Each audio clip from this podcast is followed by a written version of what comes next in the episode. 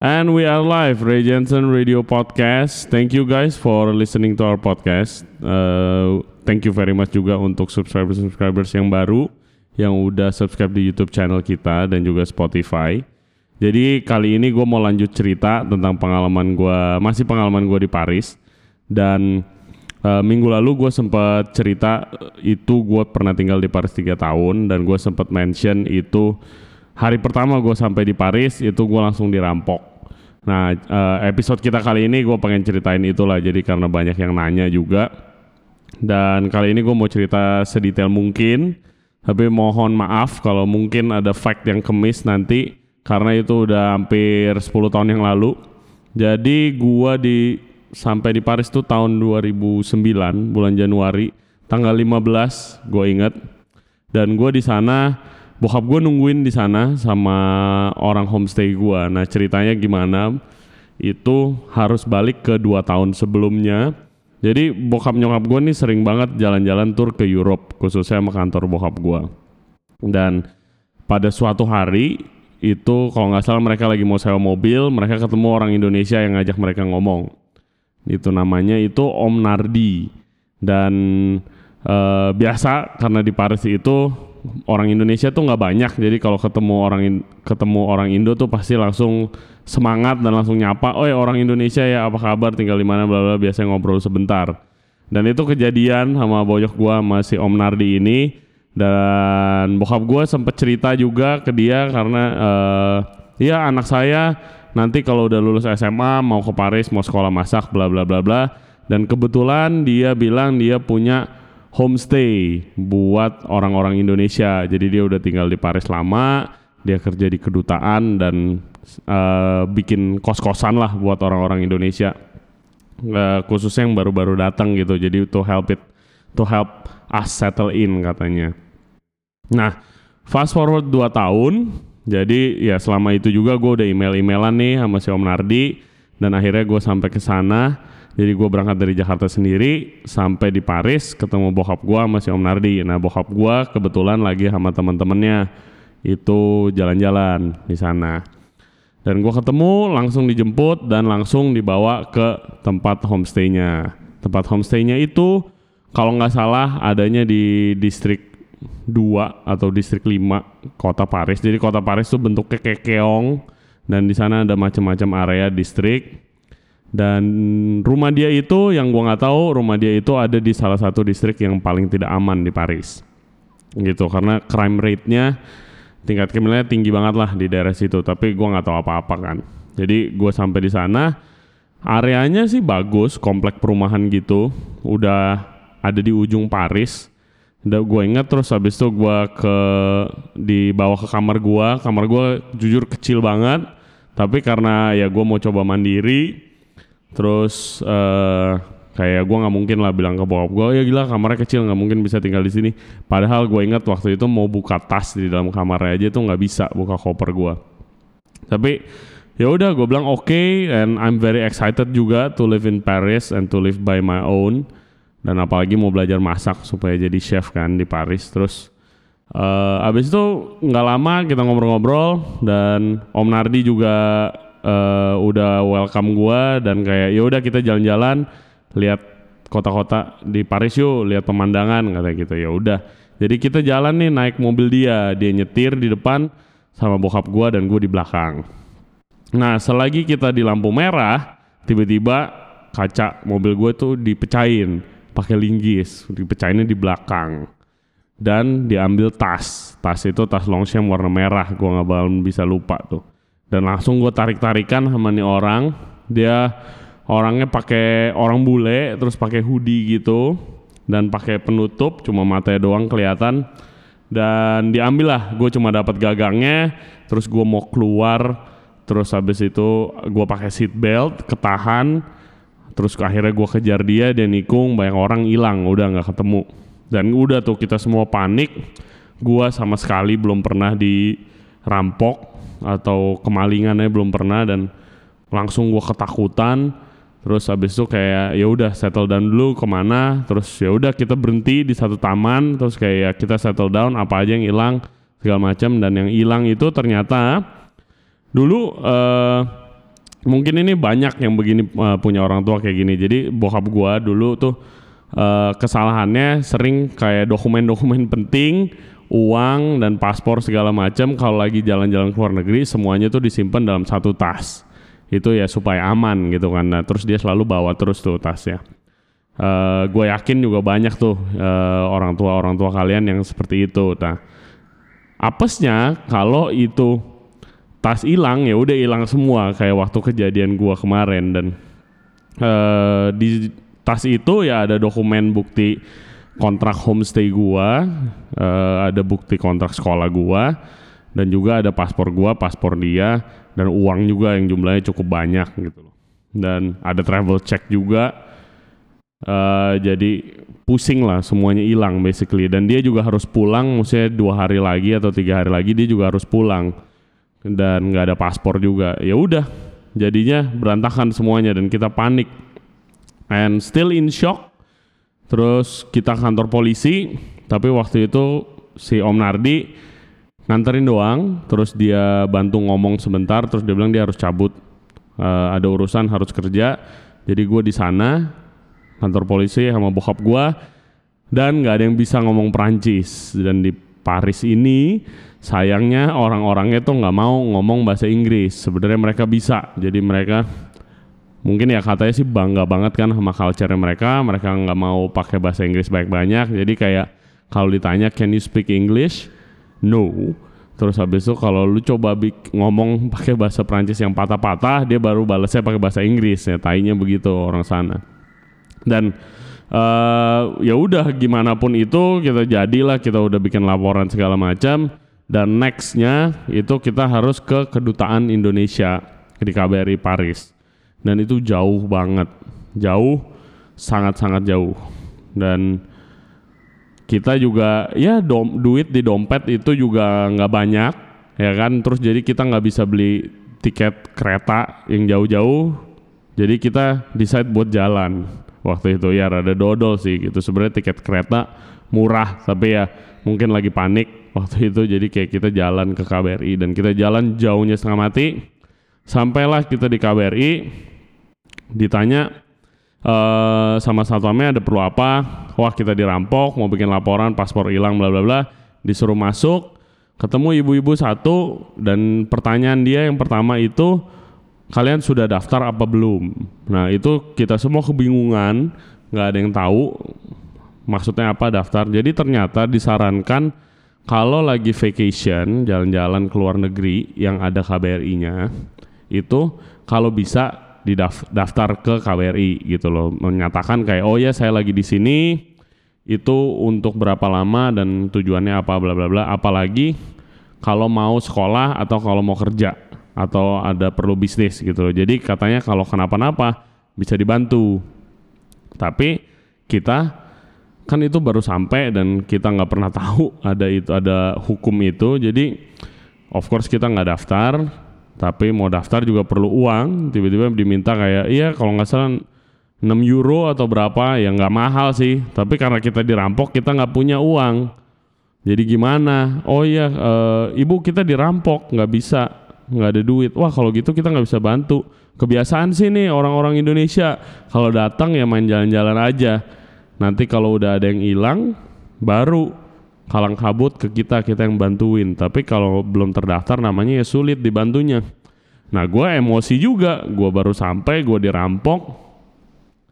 And it's so so so frustrating gitu loh. Jadi terus habis itu ya kita mohon-mohon, ya basically kita nggak didaftar dan gue sampai gue di gue balik lagi juga gue nggak daftar di KBRI Paris. Uh, ya udah kita pokoknya kita bilang aja kita dirampok dan kalau bisa isuin lah paspor buat bokap gua gitu kan.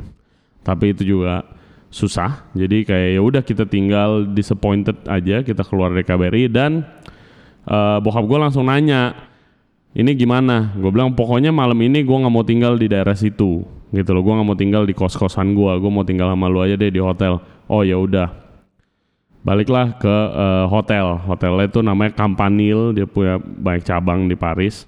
Dan bokap gue tinggal di north of Paris. Terus ya udah kita ke sana dan di dalam hotel itu gue nangis nangis gue minta pulang. Jadi bokap gue juga baik banget. Dia bilang katanya kalau misalnya ya uh, dia ngerti kalau pasti takut dan shock. Dan dia ngerti juga kalau misalnya nggak mau sekolah di sini. Terus ya udah nggak apa-apa balik biarpun udah bayar mahal banget balik ke Indonesia. Terus ya udah cari sekolah yang deket deh. Kalau nggak ya kalau nggak di Jakarta di Australia di Singapura ada juga kan sekolah masak. Terus ya gue udah kayak oh ya udah thank you setuju gitu kan.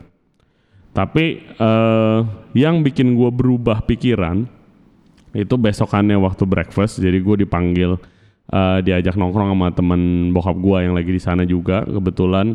Dan dia nanya sama gue Ray uh, gue dengar-dengar lu mau pulang ke Jakarta. Iya terus gimana udah bayar gitu? Ya nggak bisa sih tapi ini shock banget kan. Gue bilang shock banget kayak gue nggak bakal kuat tinggal di sini. Terus kayak ya dia bilang coba gini pikir deh. Gitu. Dia bilang kayak e, lu kan tinggal di Jakarta. Ya kan? Menurut lu Jakarta sama Paris itu lebih nggak aman mana? Gue bilang ya mestinya kalau dilihat logikanya mestinya Jakarta jauh lebih nggak aman dari Paris gitu kan ya Jakarta om Hmm, ya iya itu betul. Tapi lu di Jakarta tuh lu naik mobil pakai sopir, yang akan tinggal di rumah bagus, jalan-jalan di mall.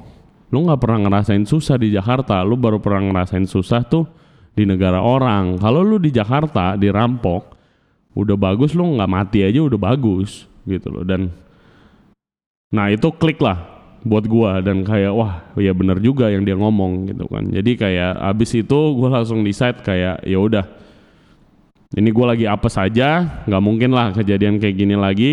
Terulang terus habis itu gue bilang sama bokap gue ya udah gue lanjut deh ke sini di sini gitu kan. Gue lanjut tapi gue nggak mau tinggal di kos kosan gue yang itu itu jadi habis itu kita telepon Om Nardi. Nah Om Nardi ini juga nggak happy dengan news ini gitu kan of course karena dia bakal kehilangan income setahun waktu itu tapi kayak terus dia bilang kayak ya Terus diajak meeting di dekat Museum Louvre di kafenya terus tiba-tiba dia ngomel-ngomel lah ke kita.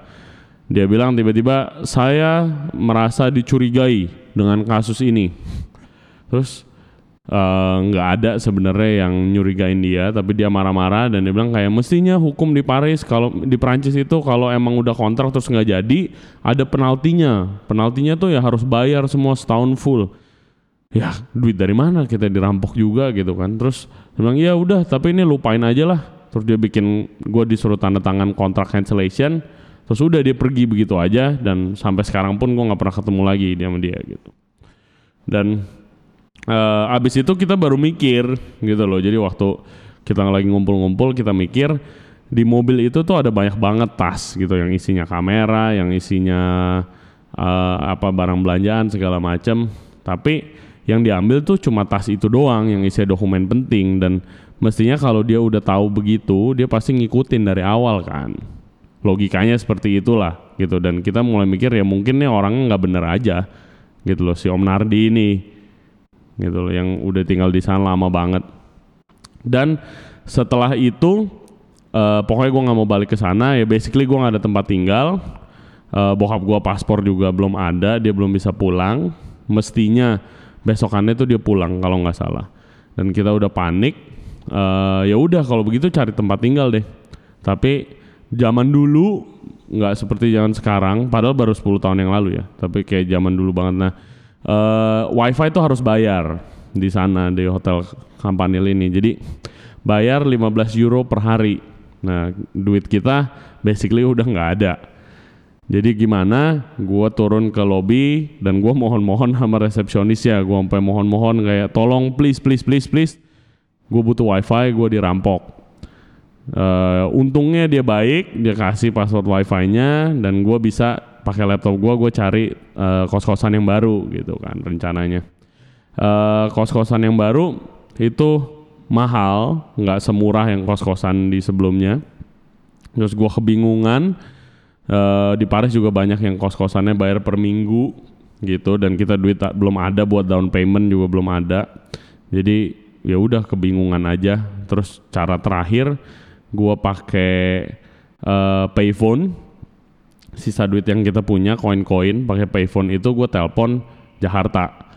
Ya, gue telepon Jakarta interlokal dan gua gua telepon agent gua agent pendidikan gua yang bantu untuk urusin visa ke sana.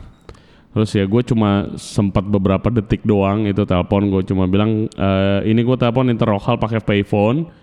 Gue dirampok gue butuh tempat tinggal. Terima kasih. Gue matiin langsung dan udah habis gitu kan.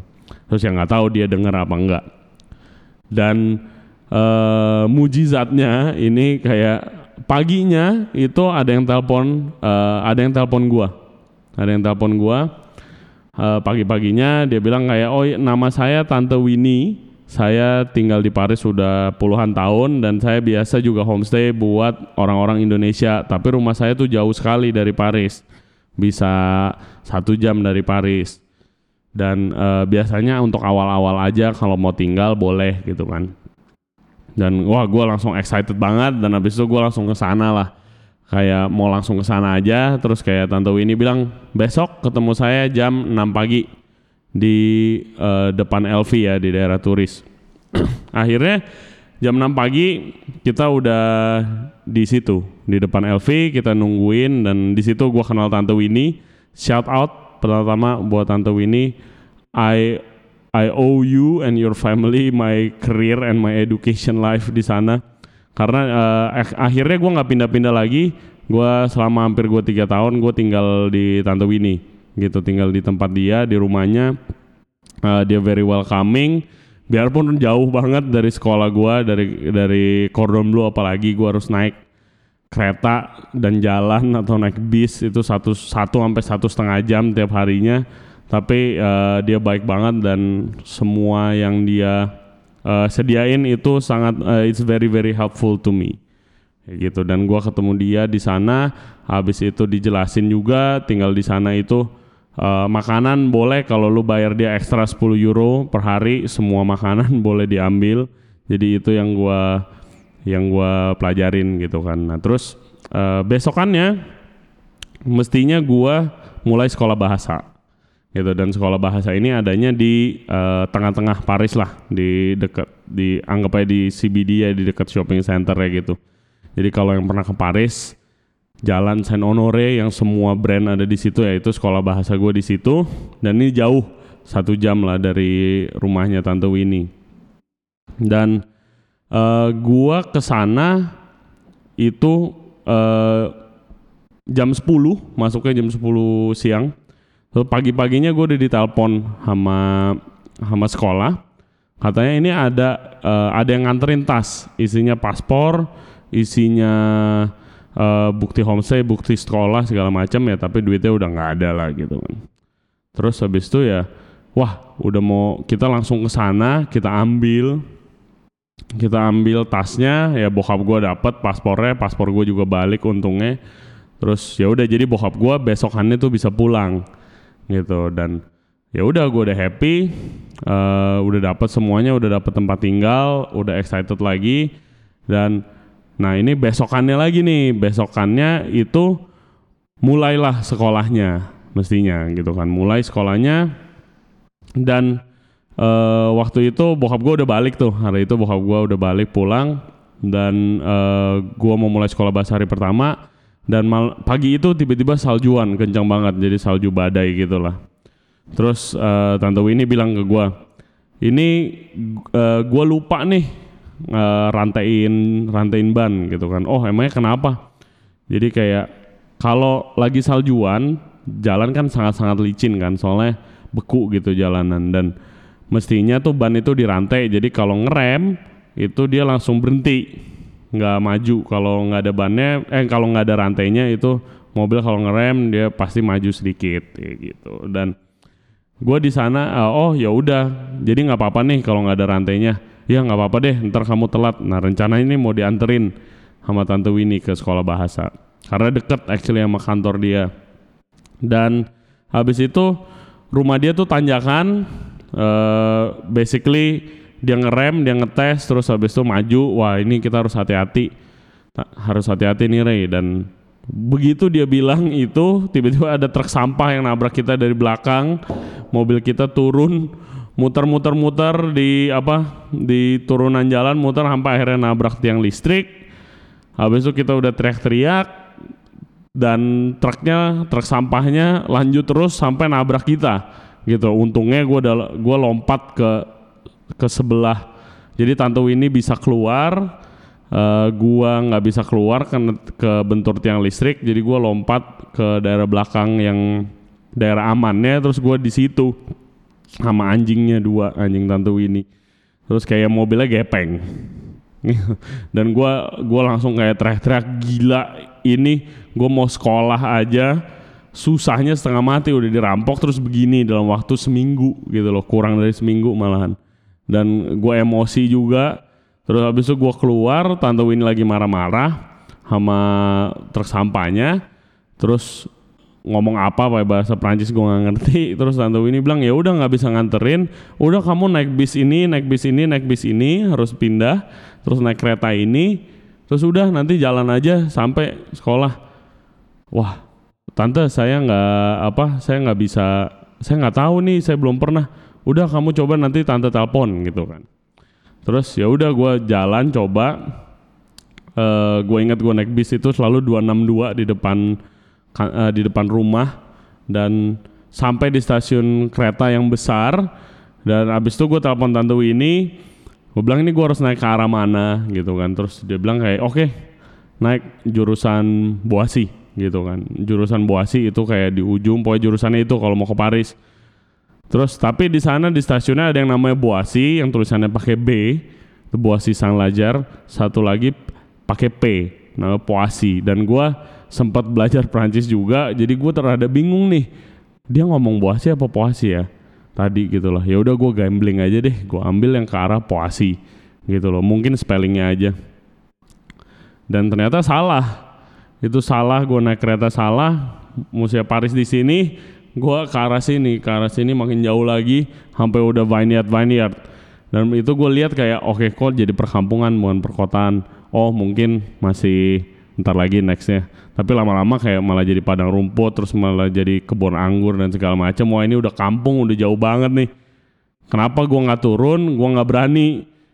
Karena gue nggak bisa ngomong Prancis sama sekali gitu. Gue lagi mau belajar sekolah bahasa terus ya udah gue ngiter-ngiter dan di ya gue find itu sangat-sangat ribet stasiun sistemnya pada waktu itu. Jadi kayak gue nggak tahu kereta ini ke arah mana kereta ini ke arah mana. Gue cuma bawa map doang. Dan akhirnya gue uh, ketemu ibu-ibu uh, orang African French ke sana yang bisa yang akhirnya mau ngomong bahasa Inggris sama gue gue bilang I'm lost gue hilang please gue tinggal di sini gue tinggal tuh di stasiun namanya Ui Carrière sur Seine. Itu sebenarnya cuma dua stasiun di dari Paris gitu kan. Tapi gue udah diantah berantah di mana dan dia anterin gue akhirnya. Si ibu-ibu ini kayak ya udah come with me anterin gue dan gue sampai UI lagi itu malam gitu loh. Malam dan gue akhirnya gue terus gue balik ke rumah si tante ini juga udah panik ke mana lu? Gue gue diteleponin sekolah lu. Katanya lu nggak datang gue teleponin lu nggak bisa juga gitu kan. Terus kayak wah tante ini handphone saya udah nggak ada signal saya hilang saya nggak bisa ngomong Perancis udah. Wah udah kacau deh semuanya. Udah saya cuma mau tidur doang gitu kan. Terus kayak ya udah itu uh, satu minggu tak terlupakan gue waktu gue awal-awal di Paris Sisanya ada lagi cerita-cerita seru yang hopefully bisa gua share di sini di podcast kita. Tapi setelah itu mulai dari sekolah bahasa dan sampai gua lulus masak dan gua juga kerja di sana, itu gua ketemu so many interesting people yang baik, yang yang nyolot juga ada yang nyebelin tapi most of them are baik. Dan gua make friends with uh, people from all over the world. Dari Afrika, Asia juga South America, American, English people semuanya banyak. Sampai dari negara-negara yang kecil yang kayak Luxembourg salah satu teman baik gue juga dari sana. Uh, dan the point is kayak kalau punya kesempatan kalian itu uh, sekolah atau kerja atau even training atau even stagiaire yang nggak dibayar. Kalau emang punya kesempatan itu kesempatan berarti kayak punya waktu dan punya financial, punya uang untuk support it, uh, itu tolong ambil gitu. Karena itu bakal ngebuka mata kalian, pengalaman kalian akan jauh lebih banyak dan akan ada cerita-cerita yang of course kalian juga nggak mungkin lupa gitu kan di sana. Jadi pengalaman gue di Prancis is very very incredible dan gue udah cerita sebelumnya juga gue nggak mau pulang sebenarnya. Ya tapi gue di sini I enjoy my time here very much. Dan di sini juga gue punya banyak teman yang gak kalah serunya. And teman-teman ini yang gue akan nextnya gue akan uh, undang podcast lagi gitu. Khususnya minggu depan itu gue bakal ada di acara namanya Asian Cookout dari acaranya Chef Jody yang beberapa episode sebelum ini udah pernah di sini kita podcast bareng. Dan dia punya acara namanya Asian Cookout itu kita berkumpul chef-chef di Jakarta itu kita masak-masak dan kita sediain uh, food kita sediain cocktail dan kita sediain bir. Acaranya kali ini ada di Hachi di Pondok Indah. Itu kalau yang belum tahu please uh, Instagram atau Google jadi dia bar and Asian noodle bar di Hachi yang dikepalai oleh chef Abe Uh, acaranya itu tanggal 1 minggu ini hopefully udah bisa keluar. Apa belum? Udah bisa keluar lah mestinya ya. Jadi uh, kita akan podcast di sana. Nanti di shoot juga buat uh, for you guys to see.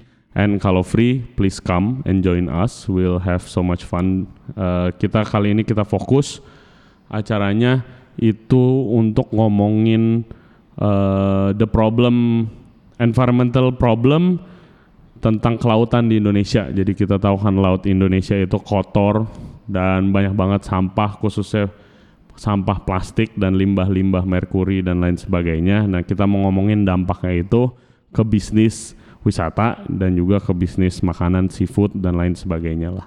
Gitu. Acaranya ini Asian Cookout Volume 2, acaranya itu 250.000 harganya tapi dengan bayar itu kalian dapat makanan itu seharian. Kita mulai acara dari jam 1 siang. Itu seharian sampai acara selesai makanan nggak bakal berhenti, tinggal ambil doang. Habis itu juga kita ada cheap beers kalau nggak salah 50 ribu gelas pertama, sisanya itu 20 ribu bir ya. Dan juga ada cocktail gitu. So I hope to see you guys there. And that's it for our podcast hari ini thank you again to those of you who has uh, subscribe dan juga dengerin di podcast kita. Jangan lupa follow Instagram kita di Rege, di Regensen Radio, sorry. Dan uh, kalau ada kritik dan saran boleh komen di bawah dan juga atau email di Reje Radio.